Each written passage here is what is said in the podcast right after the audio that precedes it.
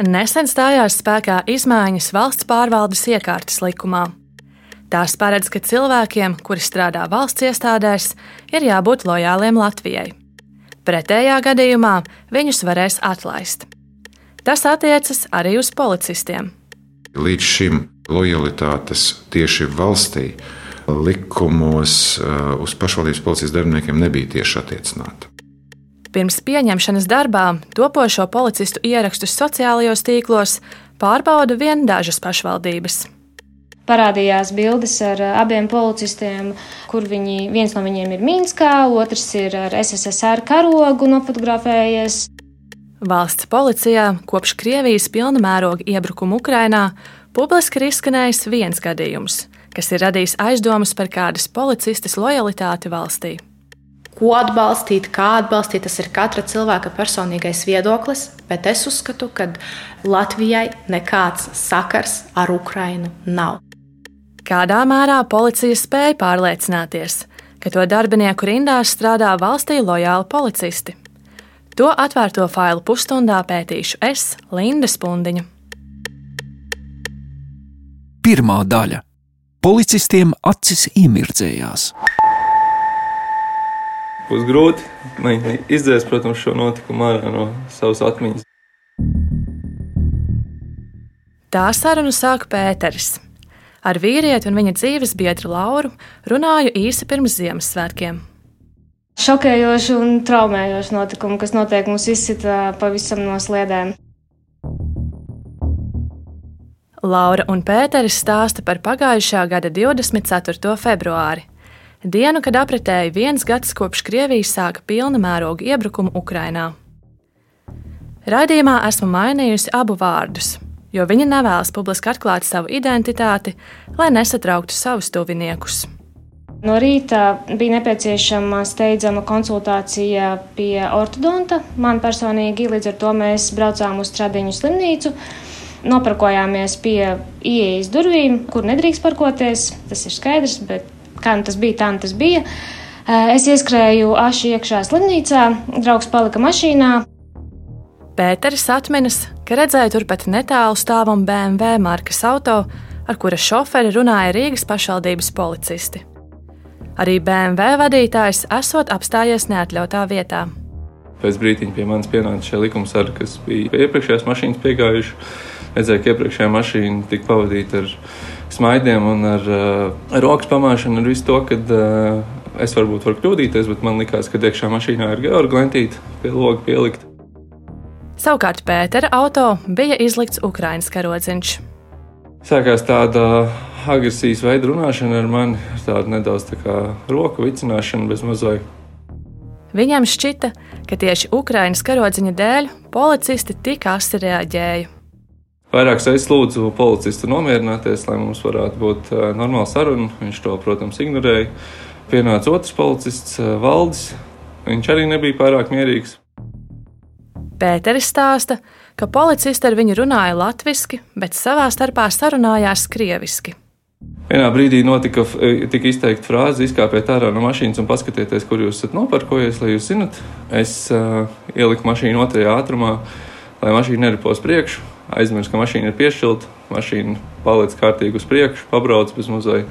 Es izkāpu ārā pa pasažieru durvīm, jo es zinu to, ka pāris dienas iepriekš tur bija letāls atgadījums, kad cilvēks šādā pašā veidā, kurš bija kāpis ārā no mašīnas, notriekt.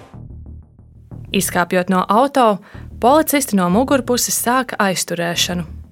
Viens uzklipa ap krāgu, sāka man žņaukt, otrs man eh, sāka man locīt pie zemes, kas viņiem arī veiksmīgi izdevās. Es, kad biju uz zemes ar galvu peļķē, un viens man lauž plecā ārā, kas man nesen bija operēts, viņi sāka man elektrošokēt. Tajā brīdī, kad man zuda elpa, tikai pēc tam, pēc rētām, uz manis varējām redzēt, ka esmu elektrošokēts piecas reizes. Tobrīd Laura iznāca no slimnīcas. Es jau to skrienot pa gabalu redzu, kā tas notiek. Telefons bija rokās un sāku to filmēt. Ko jūs dariet ar cilvēku? Nu, ko jūs dariet? Iedošu visu, ko vajag.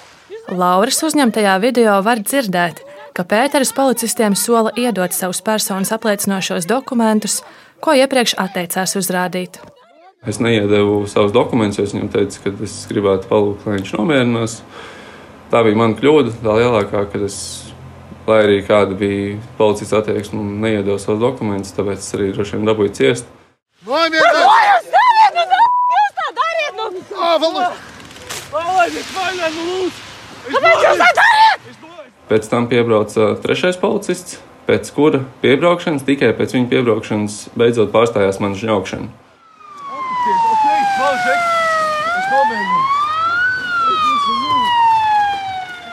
Video redzu, ka atbrauc vēl viens Rīgas pašvaldības policists. Viņš mēģina nomierināt konfliktā iesaistītos. Nomierinieties, visu noskaidrosim tūlītās, jā? Policisti pārmeklēja Pēteri un pie viņa atrada kanabidiolu, jeb CBD, vielu, kuru var atrast kaņepju augos un kuras lietošana var negatīvi ietekmēt veselību. Taču vēlāk Pētera analīzes uzrādīja psihotropās vielas - tetrahidrokanabinola, jeb THC koncentrāciju organismā. Šī viela Latvijā ir aizliegta. Tajā brīdī policistiem acis iemirdzējās, ka, ka viņi tagad visas savas vardarbīgās rīcības varēs attaisnot. Tā tas arī būtībā līdz šim virzās uz to, ka viņu rīcības tiek attaisnotas šī fakta. Draugam ir pa pilnu programmu sots, eh, tas nozīmē automašīnas liegums uz pieciem gadiem, milzīgi naudas sodi, aptuveni 4000 eiro apmērā, bet tas vēl nav viss, cik es saprotu. Kamēr Pēters vairākas stundas notikušo skaidroja valsts policijā, Laura mēģināja saprast pašvaldības policistu rīcību. Iegāju internetā, ierakstīju šo policistu vārdus, uzvārdus, Facebook, Instagram, Google kā tāda. Un uh, uzreiz ieraudzīju, ka okay, tas, tas daudz ko izskaidro, jo parādījās bildes ar uh, abiem policistiem, kur viņi, viens no viņiem ir Minskā, otrs ir ar SSSR karogu nofotografējies. Viens no abiem pašvaldības policistiem ir Valdis Kigitovičs. Krievijas sociālajā tīklā adnoklasniki.ru, kura darbību mediju uzrauga Latvijā ir bloķējuši, viņš dalījās ar Padomju Savienību slavinošu saturu, un turpat lika bildes ar atzinības rakstiem, ko saņēma par darbu policijā. Šī odnoklasņika vietne, kur viņš vairāk liek eh, tādu krievistisku saturu, kur ir vairākus ierakstus pāršērojas tur no Putina ziņām, pāršērojas arī to, ka viņš lepojās, ka viņam ir PSRS eh, pasi un kas tur vēl bija. Otra policista, Vladimira Kupriņenko, sievas Facebook profilā Laura pamanīja bildi no ziedu nolikšanas 9. maijā pie okupācijas pieminekļa, kā arī jau minēto foto pie Padomju Savienības karoga. Ne no vienas perspektīvas es neredzu, ka viņi varētu būt lojāli, jo labi, lai jums tas saturs tur ir, lai jūs esat kādi jūs esat, bet tajā brīdī, ka- kad sākās šī situācija ar Ukrainu, un ir jāizvērtē, kas ir tavā saturā, ko tu liec, lai tu savu nostāju parādi, ka tu esi mūsu Latvijas valsts patriots un ka tu esi uz viena viļņa, kā mūsu sabiedrības domājušie cilvēki, nevis, kas tu savos profilos rāda kaut ko pavisam citu, ka tu atbalsti Krieviju, valsti, kas nogalina bērnus un nevainīgus cilvēkus. Laura ziņoja atbildīgajām iestādēm un lūdza izvērtēt, vai šādi cilvēki var strādāt policijā.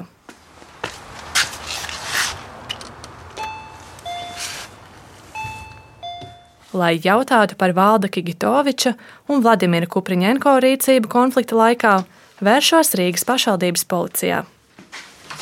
Sveicināti! Sveicināti! Dienas Linda! Esmu Edgars. Tur intervijai uzrunāja iestādes vadītāju vietnieku Edgars Rudzīti. Viņi vairs nestrādā pašvaldības policijā. Kad mēs saņēmām sūdzību, pirms tam mēs arī izvērtējām to materiālu. un Neizskatās labi, ja tā godīgi. Un tad arī mēs arī uh, veicām šo informācijas pārbaudi. Bet, tā, kad mēs veicām šo pārbaudi, šie darbinieki jau bija prombūtnē. Policisti bija atvaļinājumā, pēc tam paņēma slimības lapu. Bet pēc attaisnotās probūtnes beigām, vadībai nezināmu iemeslu dēļ, viņi neatgriezās darbā. Tāpēc ar Valdi Kigitoviču un Vladimiru Kupriņenko policija darba attiecības izbeidza vien pagājušā gada decembrī. Te jau ir vecais labais izteiciens. Pilnīgi iespējams, es saku, ja, kas vainīgs, tas bailīgs. Rudzītis stāsta, ka dienesta pārbaudas ietveros pašvaldības policija atzina, ka Pētera aizturēšana bija pamatota.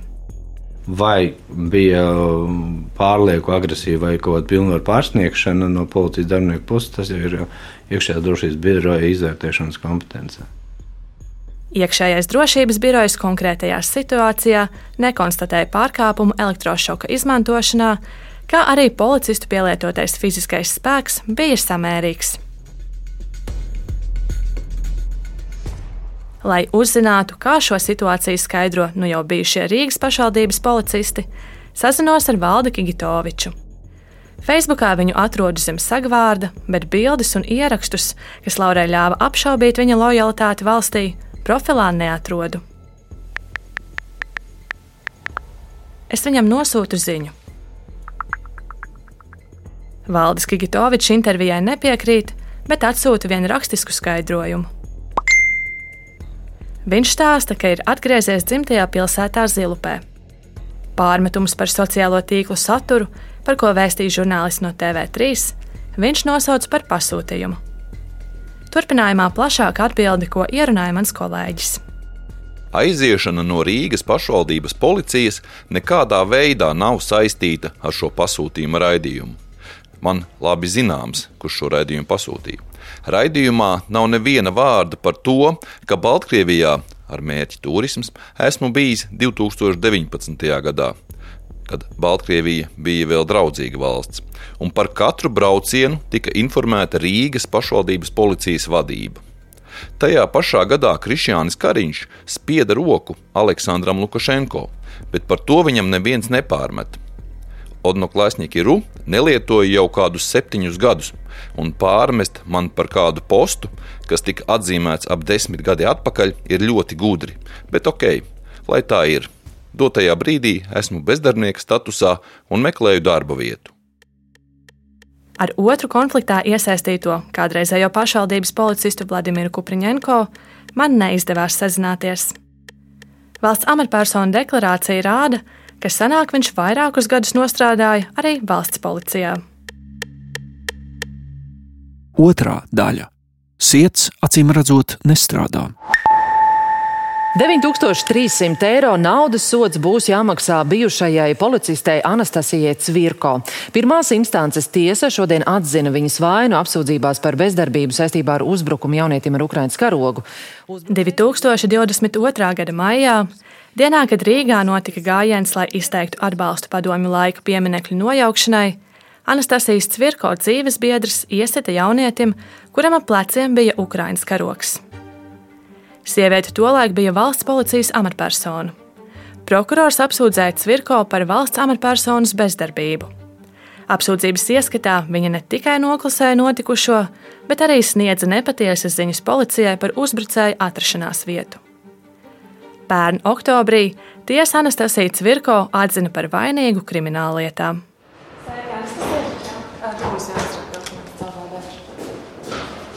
Ar Anastasiju Cvirko tiekos Latvijas radio. Bijušie policistei intervijā vēlos vaicāt, kāpēc viņa nerīkojās, kad viņas dzīves biedrs fiziski uzbruka jaunietim. Man gribētos, lai tas ir, lai tiek rakstīts pareizi, nevis tā kā jūs to interpretējat.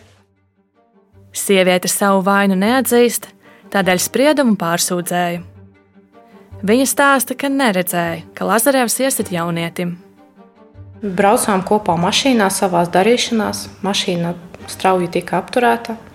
Notika konflikts, kuru es pilnā mērā nevarēju novērot dēļ savas atrašanās vietas mašīnā.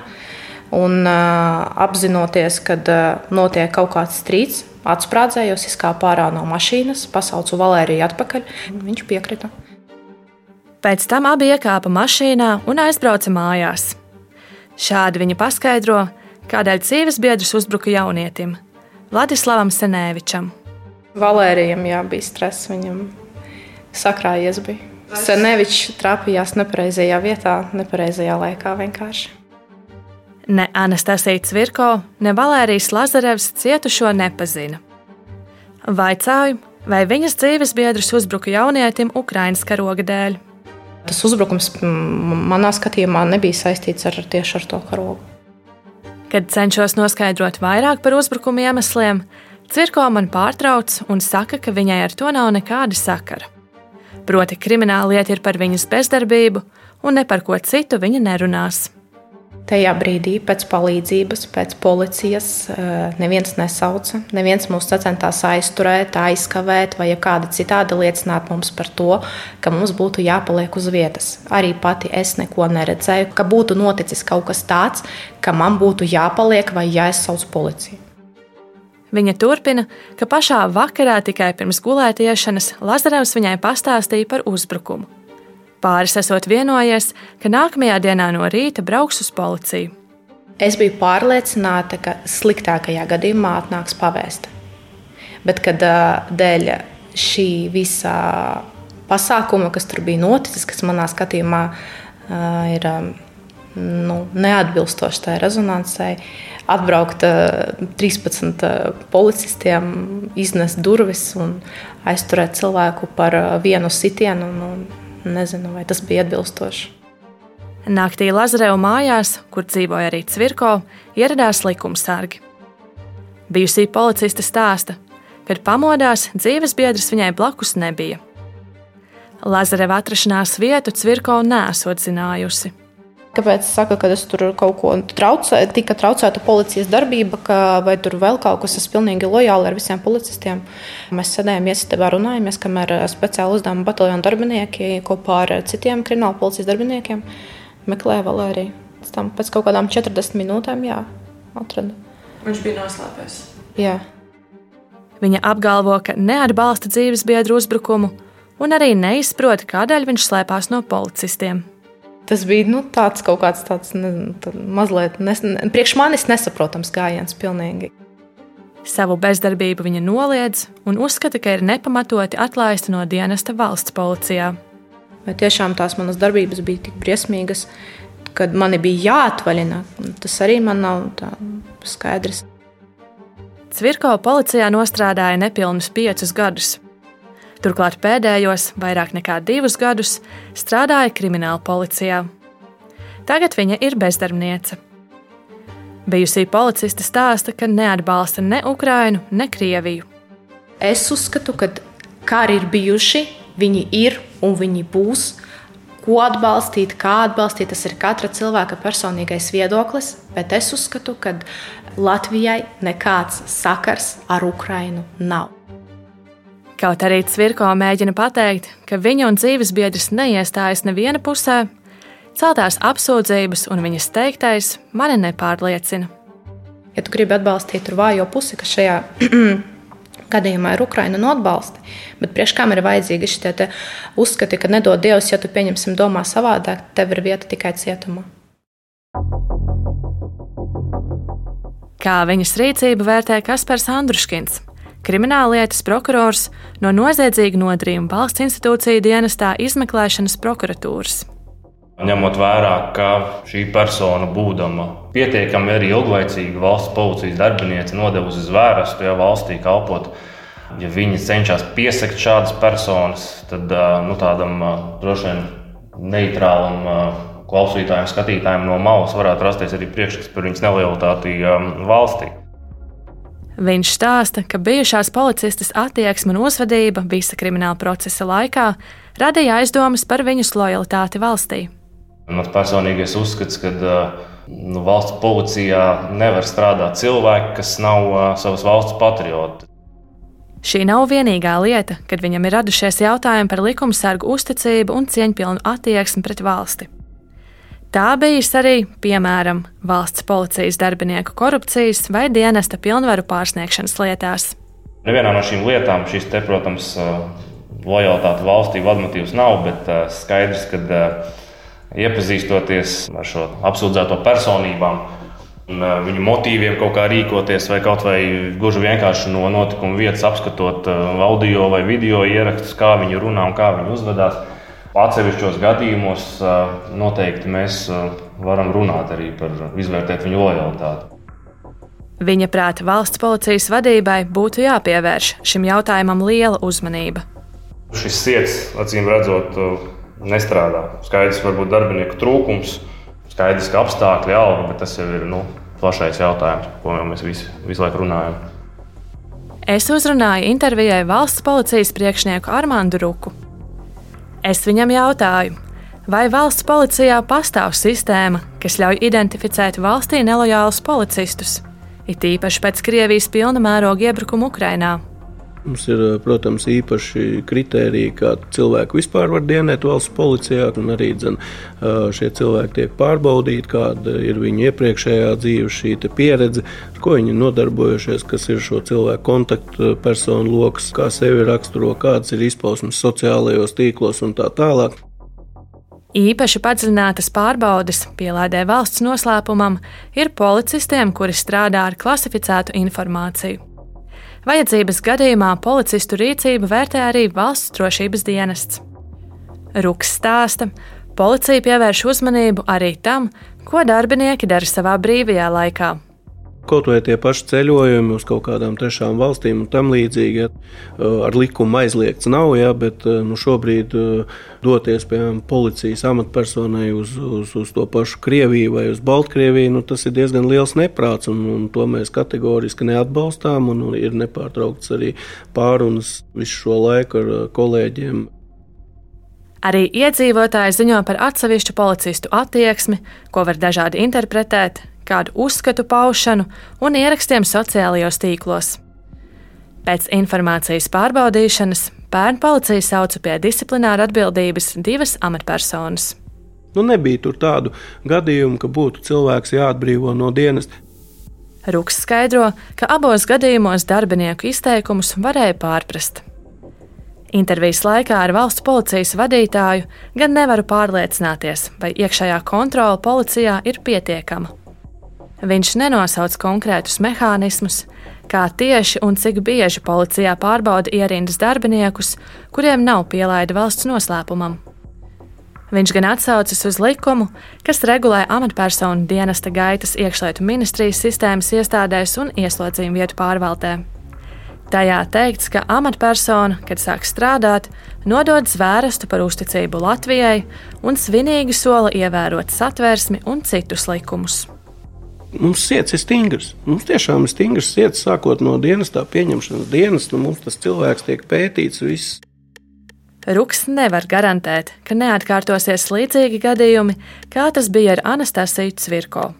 Tāpat kā mēs neesam pasargāti pilnīgi absolūti no korupcijas gadījumiem vai, vai dienas pilnvaras pārsniegšanas gadījumiem, kā jebkurā sabiedrības grupā daļā, protams, ir uh, gadījumi, kas ir uh, ārkārtēji gadījumi šajā teiksim, ja kontekstā skatītos. Trešā daļa. Vai tiešām ir vajadzīga instrukcija, kā mīlēt savu valsti? No šī gada katrā vietvarā jābūt pašvaldības policijai. To nosaka Saimas pērn decembrī pieņemtie grozījumi likumā par policiju. Daudz vietā jau pastāv, bet septiņas pašvaldības policija veido no jauna. Uz uh, administratīvās inspekcijas bāzes mēs arī uh, izveidojam pašvaldības policiju. Stāsta Rēzeknas novada pašvaldības izpildirektors Jānis Troška. Viņu uzrunāja, kad policija tur vēl pilnā sastāvā nav noklāpta. Gribu saprast, kā pašvaldība pārliecinās, ka darbā pieņem valstī lojālus policistus tādu kritēriju nebija. Jāsaka, atklāti, ka pārliecināties par šo kritēriju nu, nebija iespējams tādā izpratnē.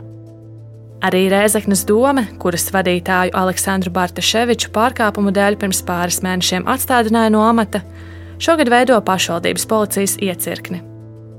Tomēr Rēzaknes domē man atteica interviju, un pašvaldības pārstāve Marina Sokolova atsūtīja šādu rakstisku komentāru.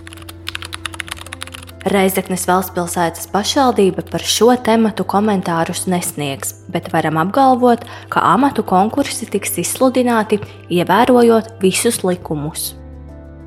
Mani interesē, vai pārējās vietvaras, arī tās, kur pašvaldības policija jau ilgstoši strādā, pievērš uzmanību jautājumam par policistu lojalitāti valstī. Es sazinos ar visām pašvaldībām, kopskaitā nedaudz virs 40, ieskaitot jau pieminēto Reizeknas domu Atbildes nesaņēmu vien no Cēzu un Krāslavas novada vietvarām. Desmit pašvaldībās pirms pieņem darbā policistus aplūko viņu profilus sociālajos tīklos. Dažviet pretendenta attieksme pret valsti mēģina noskaidrot darba intervijās. Es secinu, ka lielākajā daļā pašvaldību nepastāv specifisku kritēriju, lai atsijātu nelojālus policistus.